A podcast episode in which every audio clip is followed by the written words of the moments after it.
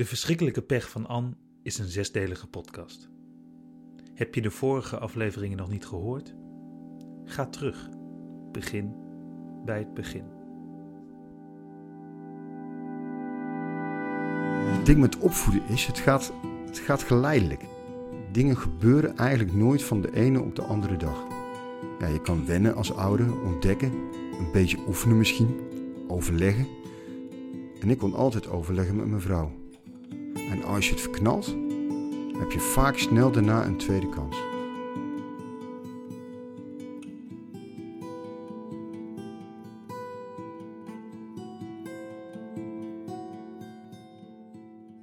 Het is één jaar na de feiten. Eén jaar na die avond die ons nationale trauma zou worden. Voorgoed in het collectieve geheugen gegrift. Of geramd eigenlijk. In deze zesdelige podcastserie vertellen we het verhaal van Anne. En op de achtergrond reconstrueren we nog één keer die avond. Let op, dit is geen true crime podcast. Hoe true de crime natuurlijk ook was. Dit is het verhaal van Anne.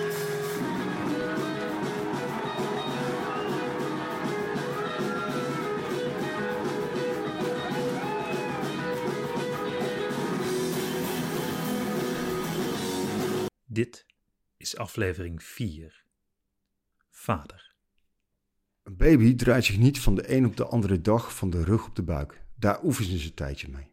En dat doen ze ook met staan, of lopen, of fietsen zonder zijwieltjes. Wat ik ermee wil zeggen, je weet wel een beetje hoe je moet handelen met de situatie waar je vandaag of morgen mee geconfronteerd wordt. Je hebt samen een aanloopje gehad.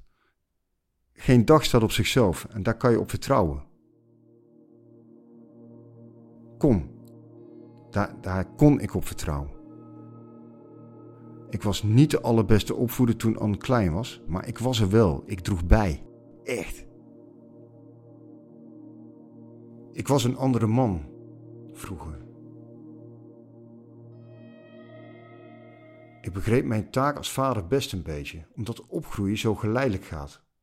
Omdat je dat groeien samen doet en niet alleen Anne groeide daardoor, ik natuurlijk ook. Opvoeden was pittig soms, natuurlijk, maar heel moeilijk vond ik het niet. Het werd pas moeilijk toen de geleidelijkheid verdween. Toen dat gezamenlijke onderbroken werd. Toen we elkaar kwijtraakten. En god, wat ben ik aan kwijtgeraakt.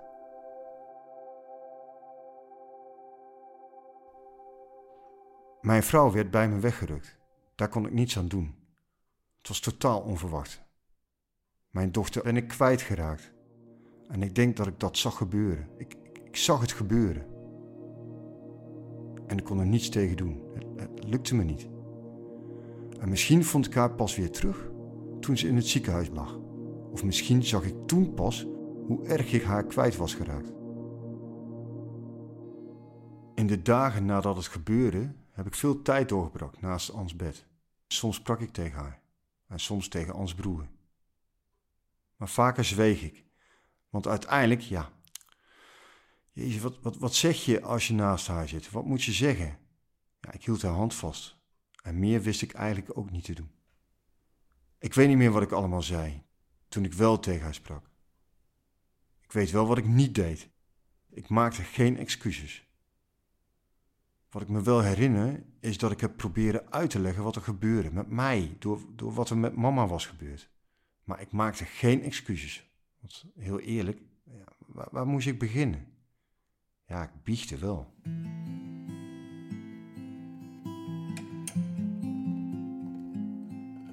Ik ben niet gegaan, Anne. Ik ben niet gegaan. Nadat mama was overleden, was ik in Zweden. Maar ik ben nooit op die plek geweest. Ik was er dichtbij. Mijn hotel lag op nog geen kilometer van die bocht. Maar ik kon het niet. Drie nachten en twee dagen was ik daar. Ik ben de hotelkamer niet uit geweest. Door het raam tuurde ik in de richting van waar het gebeurde met mama. Niet dat ik iets kon zien. Ik was tegelijkertijd dichtbij en veel te ver.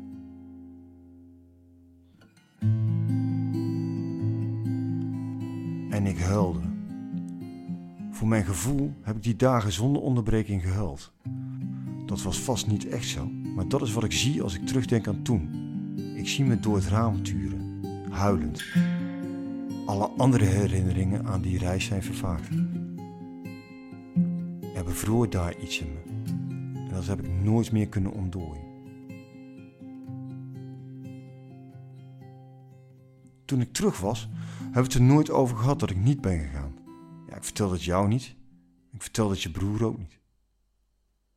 Het was me niet gelukt om naar die plek te gaan. Misschien omdat als ik daar zou zijn, als ik het zou zien, mama echt dood zou zijn. Misschien. Ik bleef vooral weg uit die bocht omdat ik bang was. En weer thuis schaamde ik me daarvoor. Ik schaamde me voor mijn angst. Ik schaamde me omdat er iets in mij bevroren was. En uiteindelijk schaamde ik me omdat ik niet in staat was om daar met jullie over te praten.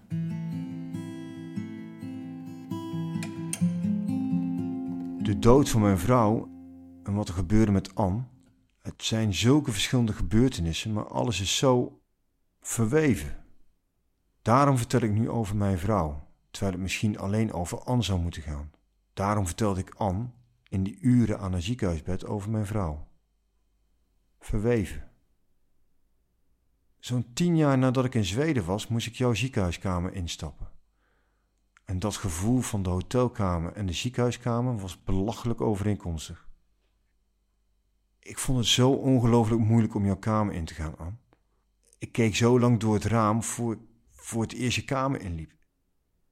Zo stom. Zo stom. Ik had moeten leren van hoe ik omging met de dood van je moeder, Anne, maar voor een deel deed ik gewoon weer hetzelfde. Ik had naar je toe moeten komen, direct. Ook al wist ik niet wat ik moest zeggen, ik had direct naast je moeten gaan zitten en je hand vasthouden. Maar ik bevroor. Wat ik net zei over dat er iets in mij bevroor, dat ik bevroren was, dat zijn woorden die ik er nu aan geef. Ja, ik, ik weet dat bevriezen niet echt het juiste woord is, maar ik gebruik het omdat er wat hoop in zit, al is het niet veel. Het juiste woord is kapot. Ik ben kapot. Ik ben kapotter dan ik ooit zelf kan repareren. Mama's dood was zo'n zware breuklijn in ons leven. Ik ging emotioneel in overlevingsmodus. Een tijd verstreek. We aten, we sliepen, we ademden. We gingen niet ook dood, maar dat was het dan ook wel. We hadden elkaar moeten opzoeken natuurlijk. Dichter naar elkaar groeien, als gezin, ook al waren we niet meer compleet. We waren nog steeds een gezin. We hadden elkaar moeten vastpakken en niet meer los moeten laten. Maar ik vond niet de kracht en grip om jullie vast te pakken. Ik werd een soort van losgescheurd van de werkelijkheid. Ik kwam even los van de grond en zweefde. De wereld draaide even onder mij. Ik deed niet meer mee. Alles bewoog even zonder mij. En eigenlijk was ik net weer aan het landen. Ik daalde weer, na jaren. Mijn tenen raakten net weer de grond en toen... Moest ik omgaan met nog zo'n klap? Een klap die misschien nog veel groter was. Mijn dochter in een ziekenhuisbed. Meer dood dan levend. Een mens kan maar één breekpunt aan in zijn leven. Ik. Ik kan maar één zo'n breekpunt aan.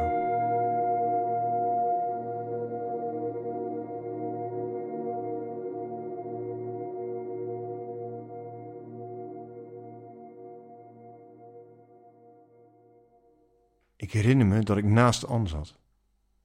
Mijn hand op haar hand. Mijn blik op het apparaat naast het bed. Er knipperde een groen lampje. Groen, niks, niks, groen, niks, niks, groen. Ik concentreerde me op dat ritme. Ondertussen voelde ik het omhoog komen. Ik kon het niet stoppen. Het verhaal van mama. Ik, ik moest het kwijt. Ik moest vertellen over mijn bedevaart en over wat voor mij de waarheid is. Het moest. Het, moest eruit. Ik moest het kwijt. Ik moest iets afsluiten. Het was de enige manier om ruimte te maken voor de verschrikkelijke ramp van Am. Groen, niks, niks, groen, niks, niks, groen. Mama reed de vrachtwagen naar huis. De volgende ochtend zou ze thuiskomen. Ze was al onderweg. Dat ze onderweg was, raakt me telkens. Ze probeerde thuis te komen. Dat is niet gelukt. Ze moest nog één stop maken. Laden. Dan zou ze doorrijden naar huis. Ik had haar die middag nog aan de telefoon gehad. Ze belde en ze wilde even weten hoe het was met jullie, met mij. Ze sprak enthousiast over het landschap, om het uitzicht dat zo snel veranderde. Hoe ze kon rijden door glooiende velden, om twee afslagen later tussen rotsen te rijden. Zachte, aaibare natuur, velden als lakens, afgewisseld met grillig en ruw, steen. Toen het gebeurde, reed ze door zo'n ruw stenen gebied. De weg kronkelde. Ze lag iets voor op schema. Officieel, volgens de instanties, weten we niet precies wat er gebeurd is. Het dossier werd al gauw gesloten met de boodschap dat er te veel onzeker is om iets met zekerheid vast te stellen. Een ongeluk met dodelijk afloop. Precieze oorzaak of aanleiding onbekend. Officieel.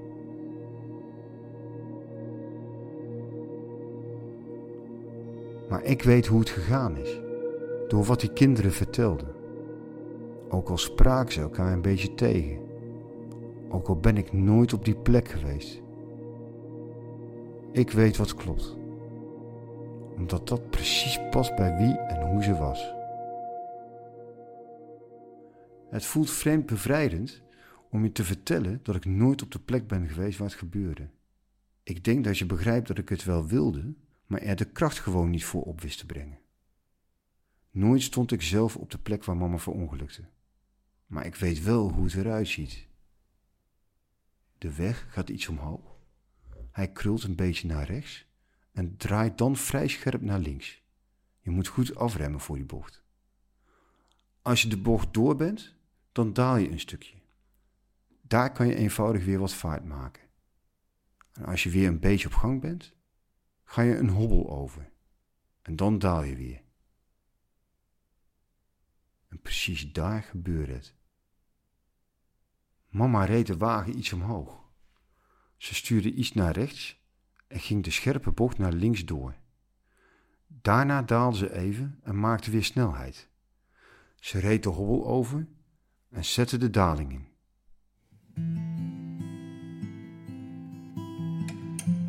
Twee jongetjes speelden langs de kant van de weg. De ene was zeven jaar, de andere acht.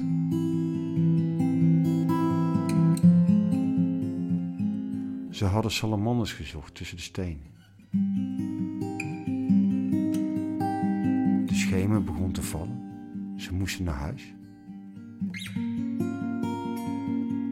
Ze staken over, direct achter de hobbel.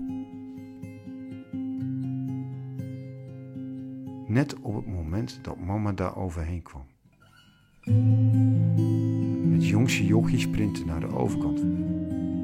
De ander wist niet of hij vooruit of achteruit moest gaan. Hij stond stil, midden op de weg. En bleef stokstijf staan. Geschrokken, verlamd.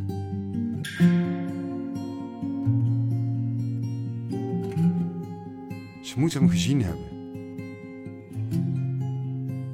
Sporen op de weg kan je zien dat ze hard remde. En ze heeft gevoeld dat het niet genoeg was. Ze gooide stuur om. De wagen knikte dubbel als een knipmes.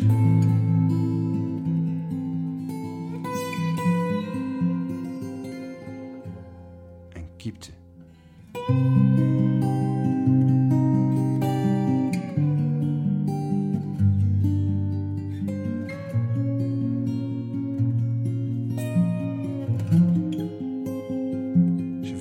stoel geslingerd.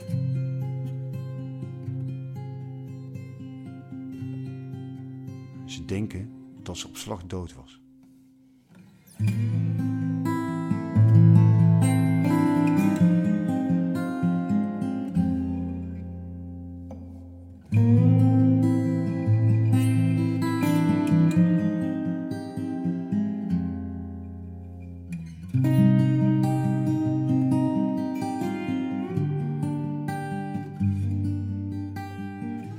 Misschien was het belachelijk dat ik bezig was met mijn vrouw, terwijl Anne zulk gruwelijk onrecht was aangedaan, maar het moest. De dood van Ans moeder is wat Anne en mij en Ans broer jarenlang zo ver van elkaar verwijderd hield. Daar moest we het eerst over hebben. Het was belachelijk. Maar het moest chronologisch. Ik mocht niet weer alle grip kwijtraken. Ik herinner me dat ik Anne vroeg of ze mam iets wilde vragen. Het speet me dat ik dat vroeg, want Anne leefde. Dus ik mocht het niet vragen. Omdat ik hoop moest houden. Maar ik vroeg het wel. Omdat ik misschien meer spijt had gehad als ik het niet gevraagd had. Ik wilde het haar niet vragen, maar ik wilde het ook niet niet vragen. Ik herinner me dat ik Anne vertelde dat ik hoopte dat ze het niet kon vragen omdat ze bij me moest blijven. Maar als ze zou gaan, of zijn man dan zou willen vragen wat er precies was gebeurd. Ik weet dat ik zei dat ik wist wat er gebeurd was, maar eerlijk gezegd is het nooit helemaal duidelijk geworden wat er precies is gebeurd. Ja, ik hoorde delen van verhalen, flarde en reeg deze aan elkaar. Zo ontstond er een verhaal wat strookte met hoe ik verwachtte dat ze zou reageren. Ik had mezelf verboden om te twijfelen aan het verhaal. Ook omdat het het minst slechte verhaal was. Dat ze niet voor niets was overleden. Ze had haar leven gegeven om die jongetjes te redden. Ik mocht voor mezelf niet twijfelen aan het verhaal, maar misschien, misschien ontmoette Anne haar opnieuw. En misschien kon ze het vragen. Ik herinner me goed dat ik die laatste woorden hardop tegen haar uitsprak. Misschien ontmoet je haar opnieuw. Die woorden, ze werden bijna tastbaar. Nee, het werd visueel. Alsof ze mijn mond verlieten en ik ze door de ruimte kon zien vliegen. En uiteindelijk voor me, boven ons bed, remde ze af, draaide zich om en groepeerde zich opnieuw, als één zin. En toen ik las wat er stond, toen ik die zin las die boven ons bed hing, woorden die ik daarvoor zelf had uitgesproken, toen realiseerde ik me wat die woorden eigenlijk betekenden. Misschien ontmoet je haar opnieuw. Die zin veranderde alles. Het werd een kantelpunt in mijn verdriet of rouw of in, in hoe ik die uren en dagen in het ziekenhuis beleefde. Om een deur te openen moet er soms eerst een andere gesloten worden. Ik biechtte bij Anne om een deur te kunnen sluiten en om ruimte te maken. Ik moest ruimte maken voor mijn verdriet om Anne. Dat lijkt allemaal misschien heel geanalyseerd of gepsychologiseerd. Dat ik ruimte moest maken om te kunnen dealen met wat gebeurde. Maar die analyse maakte ik pas maanden later. Op dat moment volgde ik gewoon mijn instincten en creëerde op die manier ruimte. Maar dat betekende ook dat de ruimte die ontstond razendsnel weer ingenomen kon worden. Met moeite duwde ik één deur dicht en tegelijkertijd sloeg een andere deur keihard open. Ik las de woorden die ik zelf boven ons bed had gehangen. En die woorden gaven me ineens zicht op wat er aan de hand was, wat mijn dochter was aangedaan. En die woorden bliezen een soort waas weg. Een waas die tot dan alle realiteit nog even bij me had weggehouden. Misschien ontmoet je haar opnieuw. En op het moment dat ik die woorden uitsprak, kreeg ik de klap. Misschien ontmoet je haar opnieuw. De waarheid was zo rauw en gruwelijk. En mijn dochters leven hing aan een zijden draadje. En die realiteit kwam aan als een moker.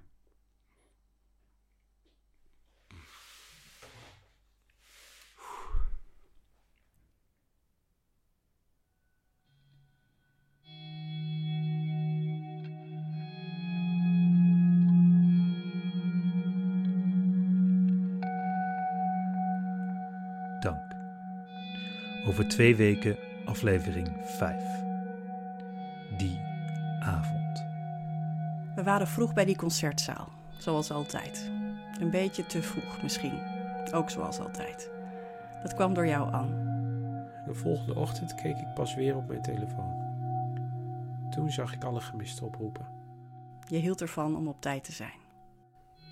We wisten niet dat je daar was.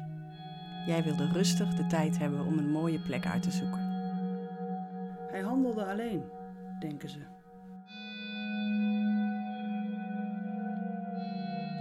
Meer over de verschrikkelijke pech van Anne, zoals directe links, achtergronden en contact, vind je op de verschrikkelijke pech van. Volgen via sociale media kan natuurlijk ook. Zoek de verschrikkelijke pech van Anne via Instagram en Facebook. Dank.